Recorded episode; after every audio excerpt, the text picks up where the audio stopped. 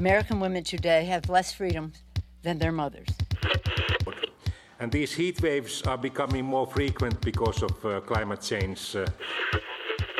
Inflation in the euro area is undesirably high, and this is a great challenge. Every image is a new discovery, and each will give humanity a view of the universe that we've never seen before. Бойовий досвід і може приєднатися до оборони України, повинен негайно прибути до відповідних центрів. We have had wars with Russia, and we don't want that kind of future for ourselves, for our children. Hasta la vista, baby!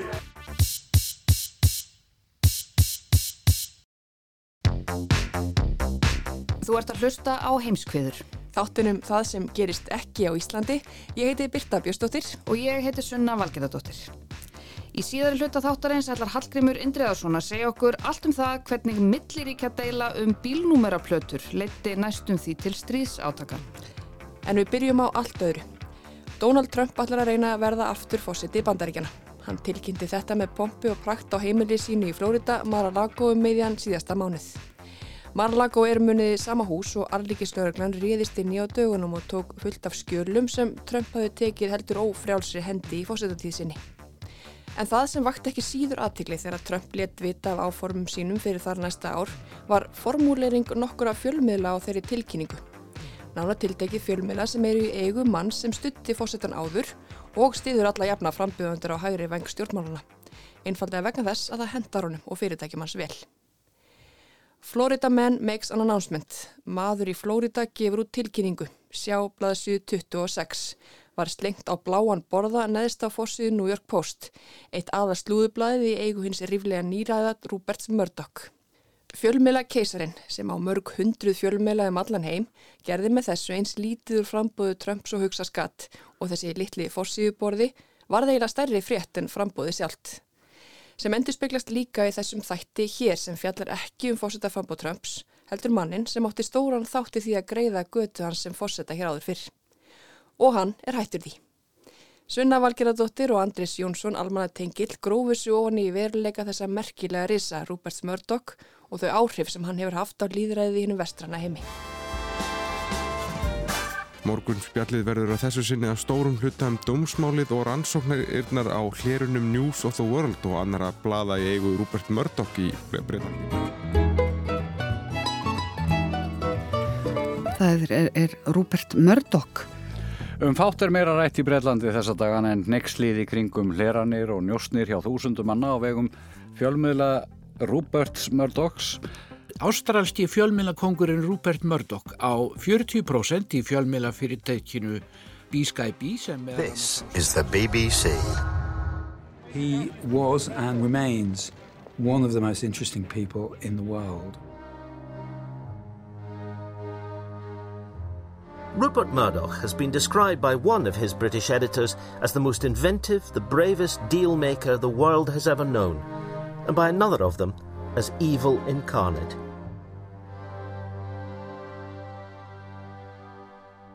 Rupert Murdoch er eiginlega ótrúlegur maður. Hann er einn umdeldasti, merkilegasti og valdamesti viðskiptajöfur heims og fyrir þau sem hafa séð sjómanstættina Succession, þar sem Brian Cox leikur fjölmiðla mógulinn Logan Roy, vita svona í grófum dráttum um hvað málið snýst. Succession er nefnilega byggt og ekkert svo lauslega á sögu Ástralans Ruperts Murdoch. Yeah, great. Um, yeah, if you'll excuse me, Logan Roy. Fifth largest media conglomerate in the world. A pal to prime ministers, the truth teller to presidents. He's tough, he's wily, but he's always true to his word. Thank you. Murdoch er fættur 1931, hann er sum sé rúmlega nýraður í dag og á alveg ofbóðslega mikið af fjölmiðlum, hann á mörg hundruð stykki í gegnum fjölmiðla veldið sitt News Corp. Þekktustu miðlarnir eru Fox fjölmiðla samsteipan, A&E, History Channel, Nickelodeon, Sky News, The Sun, The Times, The Sunday Times, Press Association, Daily Telegraph, The Sunday Telegraph, Herald Sun, New York Post, The Wall Street Journal, Investors Business Daily, Dow Jones and Company, Harper Collins bókaútgáfan og svo framvegis og svo framvegis. Þetta er svona það helsta. En það ber að taka fram að ég er að sleppa hérna gífurlegum fjölda fjölmiðla í þessari upptalningu, nokkur hundruð stykkjum sem eru líkt þekktir á Íslandi. Þetta eru sjómastöðvar, útvarstöðvar, vefmiðlar, tímaritt og dagblöð. Murdoch á rosalega marga fjölmiðla í heimalandi sínu Ástralíu og svo auðvitað í Breitlandi og Bandaríkjónum en líka í Papua Nýju Gíneu og Tasmaníu.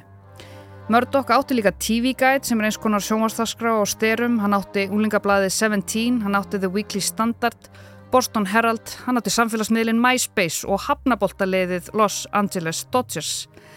Svo var það slúðurblaðið sögulega News of the World sem kom fyrst út í Breitlandi árið 1843 sem reyndist svo verða stærsta högg Murdochs að minnstakosti ofinberlega.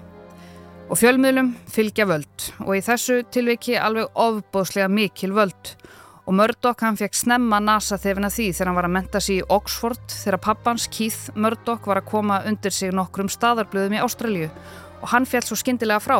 Þetta var 1952, þá var Rupert rúmlega tvítugur og hann tók þá við einu blaðinu í heimalandinu sínu. En þá voru lög um eignarhald fjölmiðla mun strángari en í dag og regluverkið mikill. Rúbert hafði þá þegar lært af pappagamla að stjórnmálamenn væru mikilvægir bandamenn í bransanum. Og, og hann lærði þar rauninni kannski mikilvægastu leksíun að sína fyrir alla sem fyrir sem hann hefur fyllt, hefur rauninni verið rauðið þráðurinn og líkillin að velgengni hans. Stór líkill er þetta að spila inn á pólitísk völd, uh, hjálpa ákveðnum öllum og stjórnmálumönnum að komast til valda eða fellaðu uh, úr stóli og í staðin fá greiða leið til þess að eignast uh, hérna, og saminast og kaupa blöð raunni þannig að það er alltaf lift uh, rauðatjaldunum fyrir hann sko eða þess að stórum alltaf lift inn fyrir regluverkið. Þetta er Andrés Jónsson, hann er almanatengill en líka mjög fróður um Rúbert Murdoch og áhrifamátt hans. Við Andrés við settumst saman niður í efstaleiti og litum yfir söguna sem hófst í Ástralíu eins og ég sagði áðan, snemma á sjötta áratug síðustu aldar og við reyndum að spá aðeins í framtíðina sem Murdoch og heimsveldið hans tekur óneitanlega mikinn þátt í að skapa. Mjög fljóðlega er raunar fer hann til Breitlands og kaupir þar Götublaði Sönn um, og, og hérna, til meil og fleiri blöð og, og bara nota sem formulu og og svo kollakolli og svo til bandarækjana og, og kollakolli. Og hann hefur mótað pólitíst landslag að minnstakosti sko í Ástralju og bandaríkjunum og Breitlandi já, hvað meira en nokkur annar sem er ekki eiginlegu stjórnmálumæður.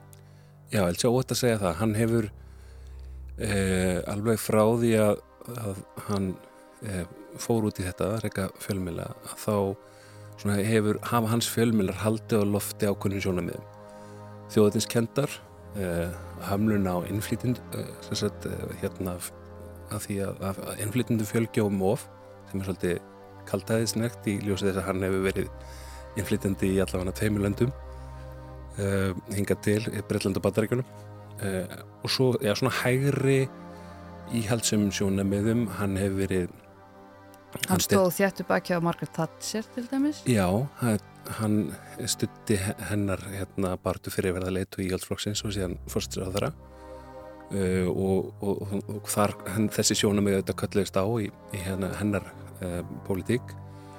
Uh, hann kom John Major einhver leiti úr stóli fórstur á þeirra skipti þá svona, í stuttastönd um lið og stutti Tony Blair og New Labour nýja verkamannflokkin sem að Tony, var að, að Tony Blair var þá að leiða í fyrsta sinn. Uh, en alla jafna hefur hann verið svona hægri vengnum. Uh, hann er talin hafa verið þetta uh, líkilaðal í því að Brexit átti sér stað. Uh, og það er haft eftir hann þó hann hefði neita að hafa sagt þetta að uh, hans persónuleg rauk fyrir því að stiðja Brexit væri þau að það hlustaði engin á hann í Brussel þar hann kemið þongað en ef hann kemið í dáningstræti hérna, þá, þá hérna, hlítum henn og hann er einhvern veginn miskunarlaus. Já, hann er, það er náttúrulega merkilegt sko, það má svona speikla svolítið hvernig hann reykur sitt fyrirtæki, hvernig hann nálgast fjölskyldu sína, sína nánustu fjölskyldu börn og maka og hérna og þeir hlustundur sem hafa fylgst með þáttunum Succession sem að, hérna, margir hafa séð þá er, eru þeir án efa byggðir á stórleiti á, á um, Rupert Murdoch og fjölskyldans I am surrounded by snakes and fucking morons! People come to us because we don't sell them on anything. No packet of fucking bleeding heart, United Nations, Volvo, gender bender horseshit. Why can't he come to us?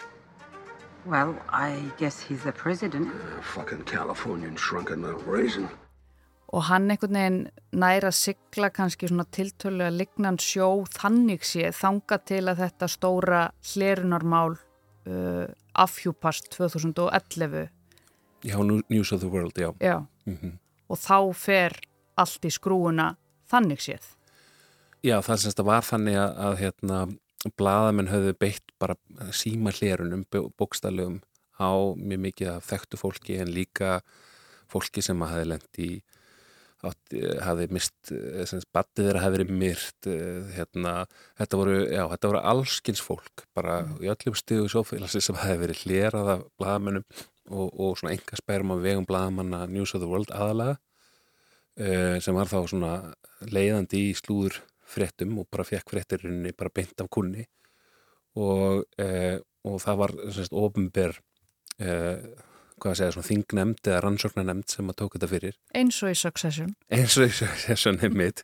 Það er mjög margt sem hefur komið fyrir í Succession sem er skemmtilt fyrir aðdónda þess þáttar að fletta mm -hmm. upp í sögu Murdoch. Buckle up folks, we're gonna get an invite to the great national latrine.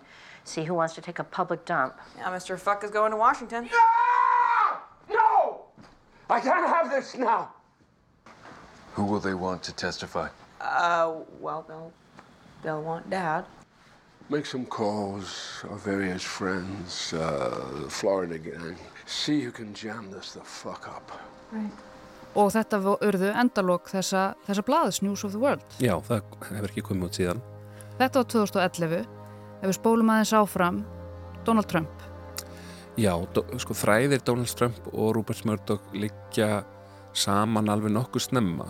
Uh, Rúbert fer frá Breitlandi eða fær út veldi sitt frá Breitlandi til bandarækjana svona undir loka 8. áratöðarins uh, og kynnist þá meðal annars og fylgir bara sömu, sama mótili uh, hérna styðja við hægri hérna uh, hægri stjórnmálumenn hann er kynntur svona inn í innsta hring Ronalds Reagan sem að innihjalt á meðal hans uh, Ray Cohn sem var, hérna, hafi verið að vinna fyrir uh, McCarthy þingmann frægan sem McCarthy er mér kentur við og, og setna fyrir Ronald Reagan í erfið málum, hvort það var Ívan Kontra uh, og eitthvað svona erfið málum í, í, í þinginu sem lög, lög, lögmaður.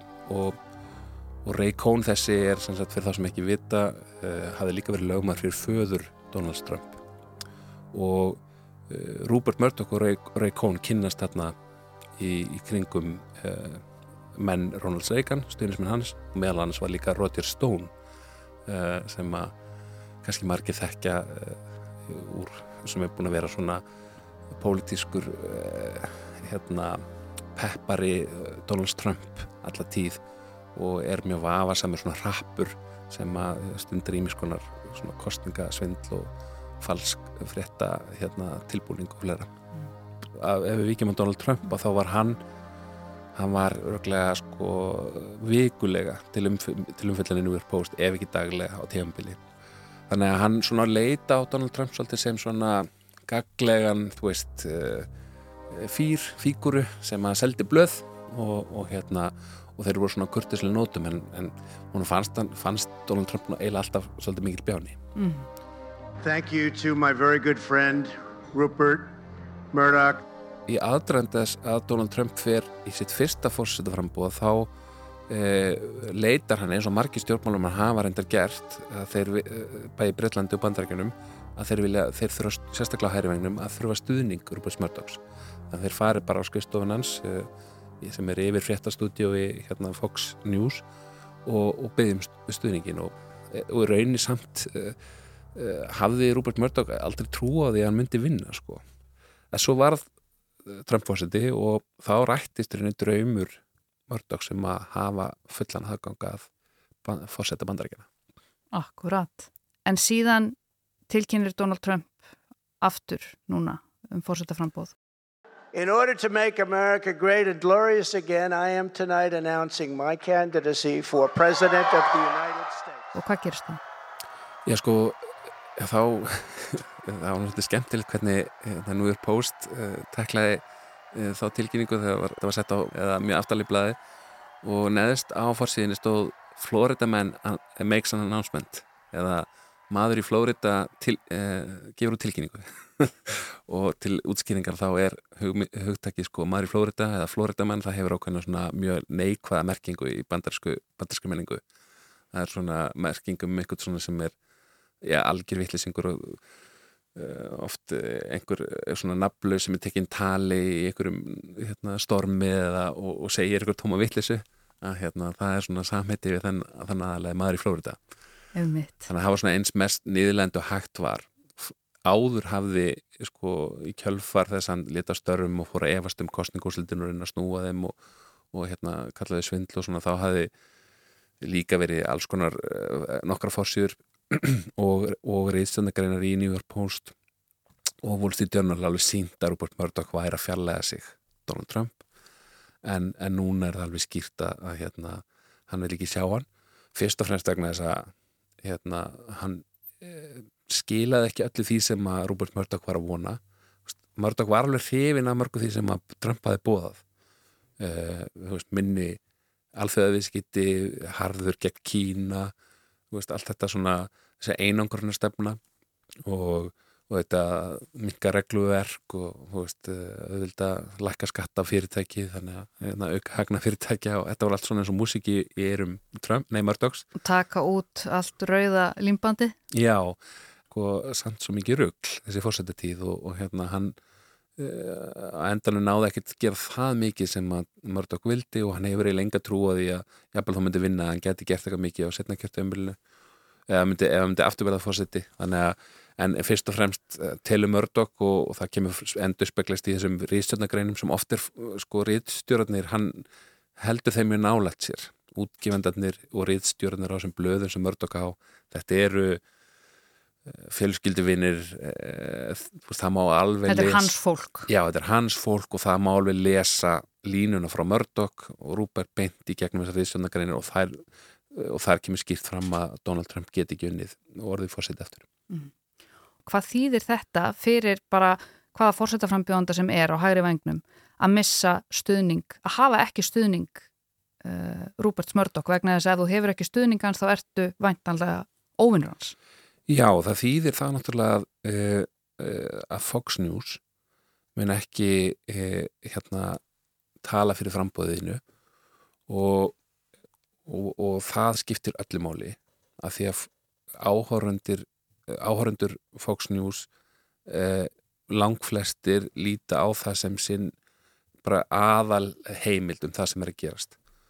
Og, þetta, og það hefur bara sínt sig að þegar Fox News var og það var aftur með svona reglugjörðarbrellum sem hann náða að stopna Fox News er endar stopna Fox fyrst sjóanstöðuna og svo Fox News út á því. Um, en það hefur sínt sig og bara mælt, stjórnmálfræðingar hafa mælt að eftir því sem að Fox News opnar á nýju svona kapal sjóansvæði í bandaríkjunum að þá er bara reyfing til hægri í bara næstu kostningu þar á eftir, bara 5% svibla til hægri.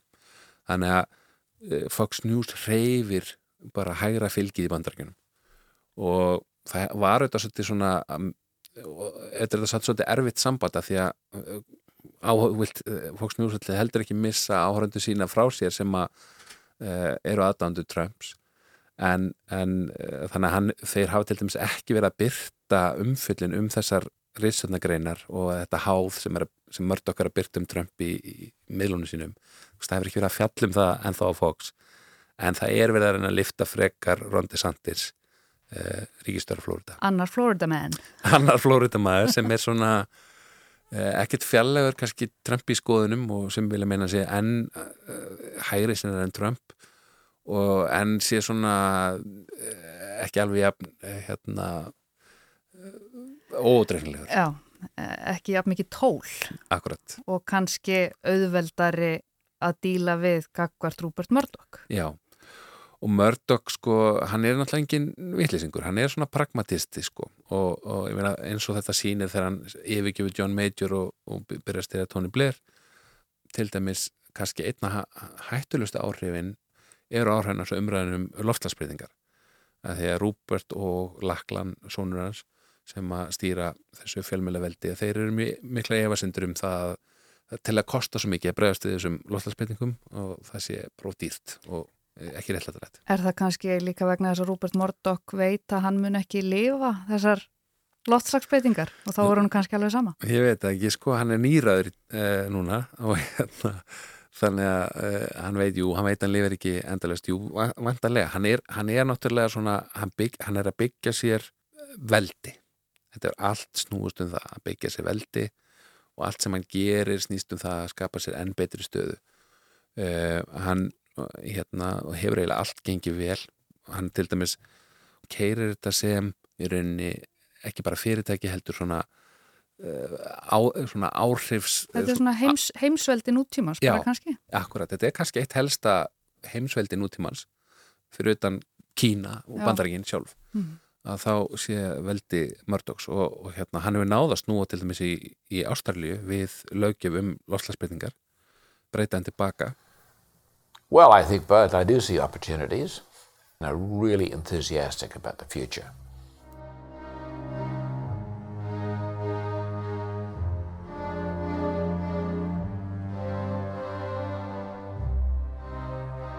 allt þetta fólk er að hittast. Uh, Murdoch hefur bóðið í einhverjum Trump og, og Jared Kushner að koma í frítilsín uh, þetta er svona bara svolítið eins og í Succession. Þetta er svona svolítið lítill hópur fólks sem er að handla með mjög stóra hluti og margir eru bara eins og leikundur þáttastjórnundur, stjórnmálumenn ráþerrar Er eitthvað hægt að fabulera um framtíð þessa heimsveldis, heimsveldis Rúbert Smördokk eftir andlátans?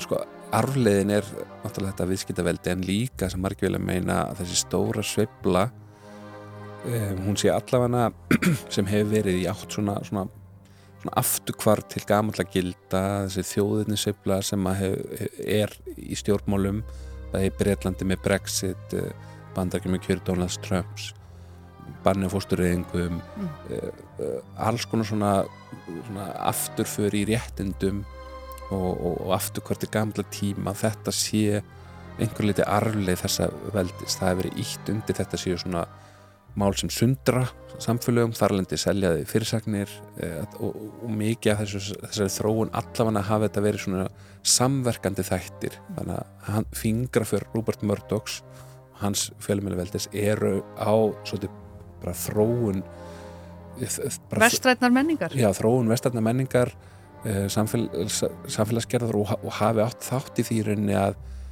grafa undan líðræðin í mörgum ríkjum og í mörgum vestrætnum ríkjum og hann svona lætur sér fátt að finnast um það enda svona heimsborgari sem að veist, á yngugu hvar sem er. Og hann svona lætur þetta svona þessi léttu lúm, rúmi liggja. Uh, Laklan Murdoch sem er í rauninni Artakjans og er stjórnaformaður uh, veldisins með honum í dag. Uh, hann er talinni vera líkastur föðu sínum og hefur á sumramatti enna öfgafyllir í skoðanir af þessu leiti uh, og hann muni vilja halda því við og hann telur líka að þetta er svona þetta samband að þú þart áhórandahópurinn og lesandahópurinn hann er mikilvægur fyrir auðlýsingasöluna og þess vegna muni uh, hann halda áfram þessari stefnu mm. og mér finnst ekki benda til þess að áhrif stórfyrirtæki sé að minka í heiminum svona grunnurinn að því að, að stjórnmálumenn þurfi uh, þessa fjölmila til þess að ná til kjósunda sinna sérstaklega einhverju sem vilju svona búa sitt í nafn að það valdir ennþá mjög mikið í höndum mörgdokku veldisins og kannski einhver leiti núna að farast yfir til Musk sem er komin inn í heiminn og við sjáum að uh, eigandi Amazon er líka búin að eignast uh, hefur kæft sér Washington Post. Þannig að uh, ég held að áhrifin að þau séu ekkert endilega að fara að minga þó að Robert Murdoch falli frá.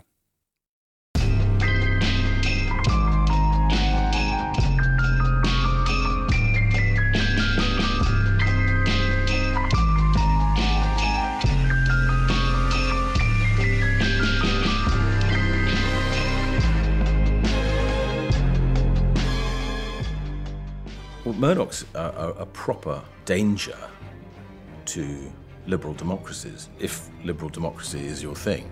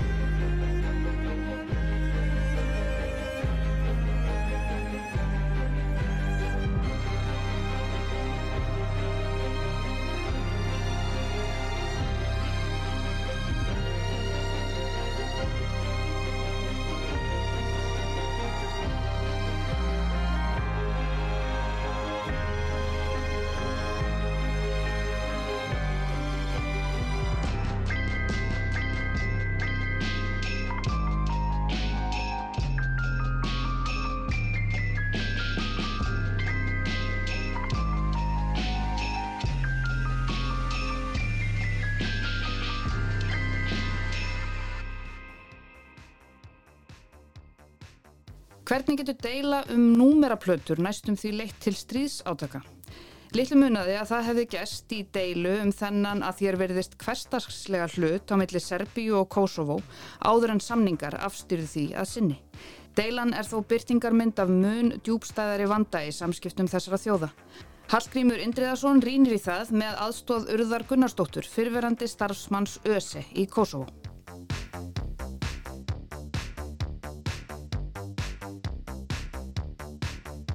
24. november síðastliðin tilkynnti Joseph Borrell, auðaríkismálastjóri Európusambandsins, um samkominlega milli Kosovo og Serbíu um að slíðra sverðin í deilu landana um númeraplötur. Very pleased to announce that the chief negotiators of Kosovo and Serbia have reached a deal tonight in Brussels under the European Union facilitation. Európusambandið hafði á samt leðtóum bandaríkjana og NATO haft áhyggjur af að þessi deila myndi leiða til mikill að átaka millir þjóðana. Jafnvel að næsta stríð sem myndi brjótast út í Evrópu yrði í Kosovo. Auðvitað hafði stríðið í Ukrænu áhrif á slíkar pælingar, menn eru sérstaklega vel á verði gagvart hverskonar átökum vegna þess. En þessi deila, um ja, sakleisislegan hlut og númeraplötur, er í raun byrtingamind þess erfiða sambands sem lengi hefur verið milli Serbíu og Kosovo.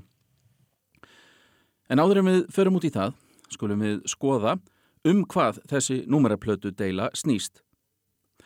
Árið 1999 laug blóðugu stríði milli Serbíu og Kosovo.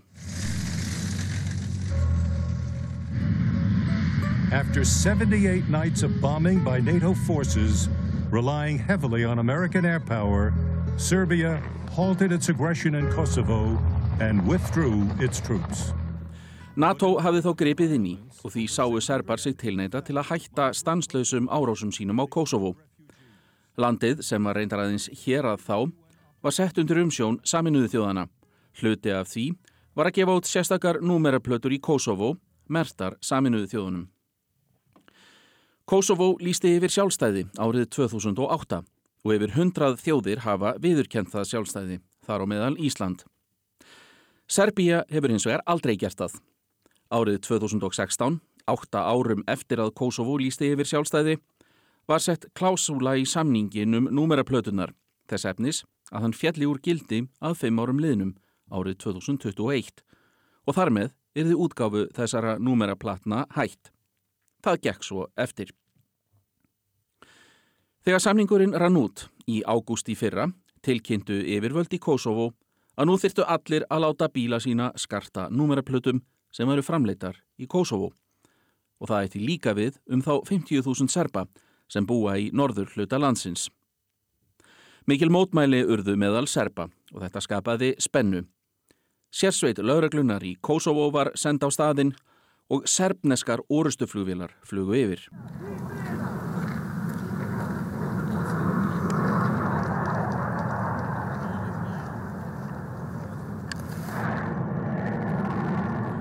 Til að bera klæði á vopnin var gerður tímabundin samningur um að bílarnir mættu fara yfir landamærin ef breytt væri yfir tákn viðkomandi ríkis.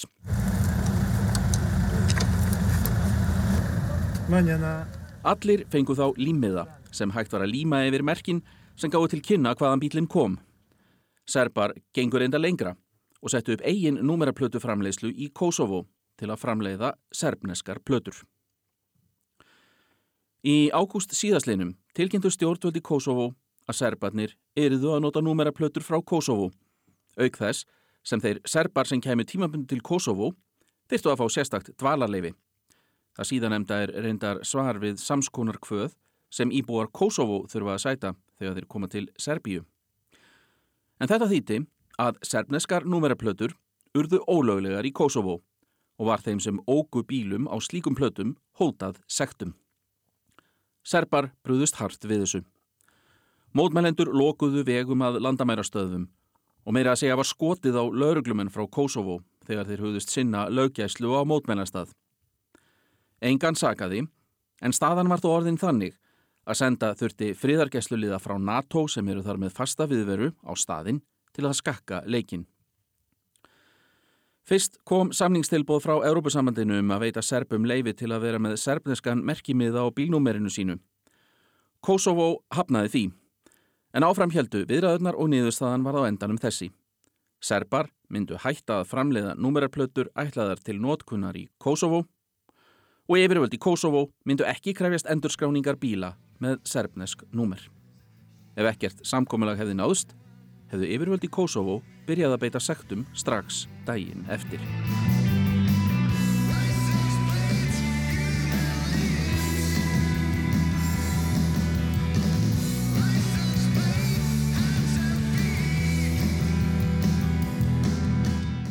Eins og hlustendur fá líklega á tilfinninguna snýst þessi deila í raun um miklu meira en númeraplötur.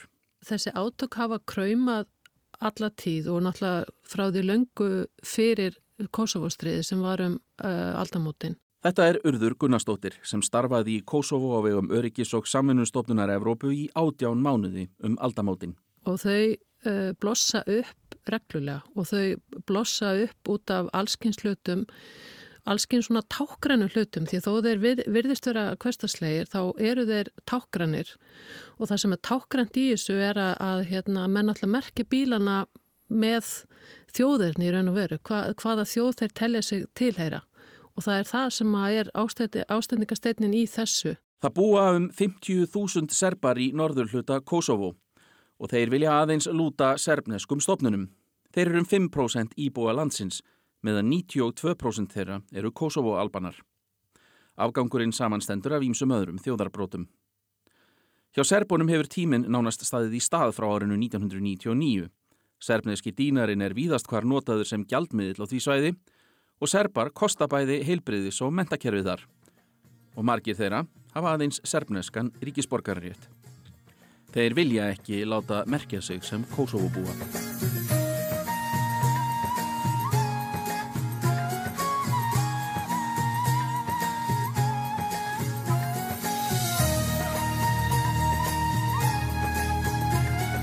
Urður segir að númeraplötur hafi líka verið mikið vandamál í Bosníu eftir stríðið þar á tíundu áratug síðustu aldar. Þrjú stæstu þjóðarbrotin þar, bosníakar, serbar og kroatar, mertu þá plötur sínar með sínu þjóðarni. En það var leist með því að búa til sameinlegar plötur fyrir öll þjóðarbrotin, svo íbúarnir kæmust á milli svæða. Í Kosovo hefur þetta ekki tekist. Yfirvöldi Kosovo hafa lengst af leift serpunum að njóta ákveðinar sjálfstjórnar, þrátt fyrir að stjórnvöld þar hafi valdi yfir svæði þeirra samkvæmt stjórnarskrá landsins. Frá því núverandi fósateysa á þeirra, Albín Kurti, tók við völdum í fyrra, hefur hins vegar verið rekin harðari stefnagagvart serpunum í landinu. Kurti hefur reglulega sendt lögreglulið til norðurlutans vegna alls konar mála, hvort sem það eru mótmæli eða alvarlegri glæpir. Á sama tíma hafa stjórnvöld í Serbíu með fósettan Alexander Vucic í brotti fylkingar einnig tekið upp harðari afstöðu gagvart Kosovo og heiti því að Serbíu muni aldrei viðurkenna sjálfstæði Kosovo. Ef yfirvöld þar vojið sér að ofsækja Serbana verði engin uppgjöf. Serbar vinni. Þetta hefur verið tólkað sem hótun um hernað.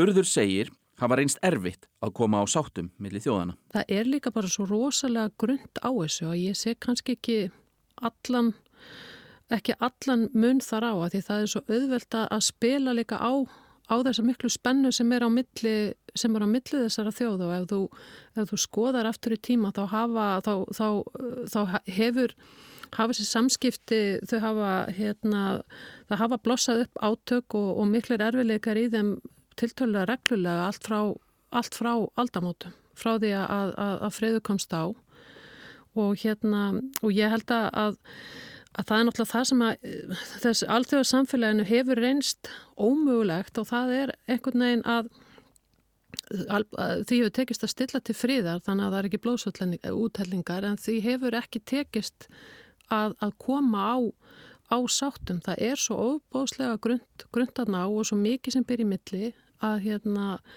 að það er náttúrulega það er, það er kannski, það er í likur vandi, það kann ekki lausnin á því hvernig á að færa hvernig á að færa uh, þjóðir saman uh, sem að, sem að vilja ekki sem vilja ekki vera saman. Örður bendir þó á að Evrópusambandinu hafi tekist aðstilda til friðar enda með stóra gullrót þar, aðild að sambandinu.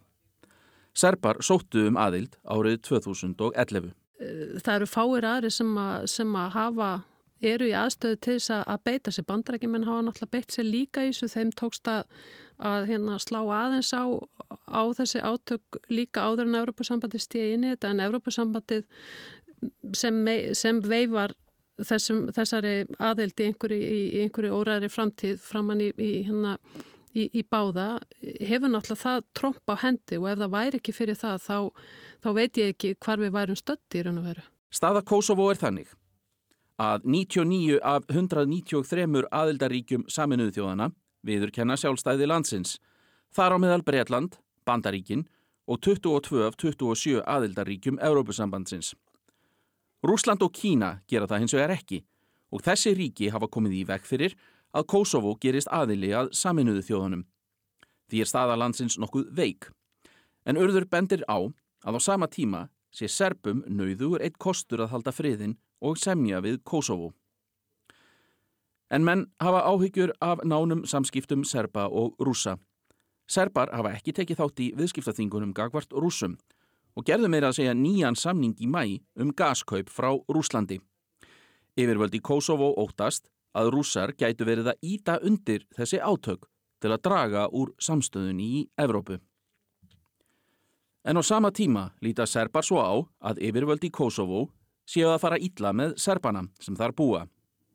Aleksandar Vucic, fósetti Serbíu, saði, eftir að samningar náðust, að staðan væri við söðumark. Fólk er búið að fá nóg af yfirgangi stjórnvalda í Prístína og hann er ekki af pólitískum ástæðum og af því hef ég áhyggjur, segir Vucic. Situacija sa Srbima na Kosovu je kod Srba na Kosovu i Metuhiji uzavrela. Ona bukvalno vri. Ljudi su siti terora prištinskih vlasti. I ovo nije za političke svađe, to je nešto što i mene brine. Urður er ekki sérstaklega bjart sín á að sátt síðan nást til lengri tíma millir þessara þjóðarbróta. Og þetta snýst náttúrulega fyrst og fremst, fyrst og síðast um, um Albana, Kosovo-Albana og, og Serba. Ég held að, að hinn þjóðarbrótum þau hafa náttúrulega lend og lenda daldið þarna milli Þá eru við að tala meðal annars um Bosníumenn, um, um Róma og, og, og Tyrki og fleiri. En fyrst og síðast er þetta nú um, um Serba og, og Albani en, og þetta er náttúrulega ásins og djúpar sögulegar, djúpar sögulegar rætur og er svo óbáslega eitthvað neginn vafið inn í, inn í söguna sko mörg hundru ára aftur í tíman að ég, ég á hópaslega erfitt með að sjá fyrir mér hvernig uh, hvernig þessi deila getur leist.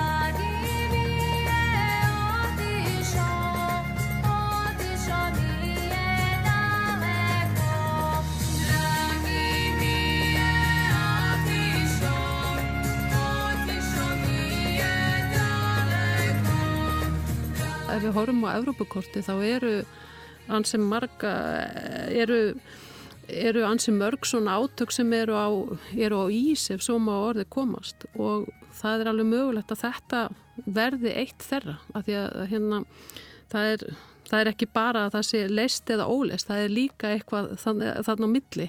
Og, og, hérna, og það getur vel verið að, að það sé bara það sem við verum að horfa á að þetta að þetta verði bara einn af þessum köldu blettum í Evrópu þar sem að, að hérna, allt er í hálgjörðu frósti.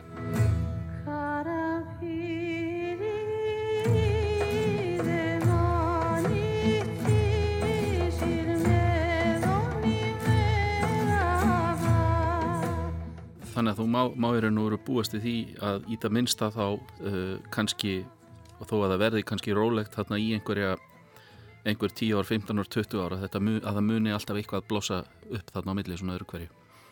Ég held að, hérna, að það muni alveg öruglega að gera það, hefur gert það og, og, þú, og við sjáum bara hvaða þarf, hvaða þarf lítið til eða það sem okkur virðist smávægilegt eins og númeraplötur en, en, en í hugum fólks er bara gríðarlega symbolst atriði og hérna líka en líka bara við horfum til landa eins og Bosníu sem er náttúrulega var bara nokkur árum á undan og það sem að eru að, sum, að einhverju leiti sko sumu, sumu aðilar að, að hérna að átökunum á, á sínum tíma að, að það er líka sumu leiti í hálgjörðu frosti, ég menna það gengur ekkert það gengur ekkert rosalega vel og, og hérna og það eru mjög sterkar tilneyingar hjá bosnísörpum að fara í, hótaði að vera að fara í sjálfstæðisátt þannig að ég, ég á mjög bátt með að sjá hvernig, hvernig, þetta, hvernig þetta geti leist.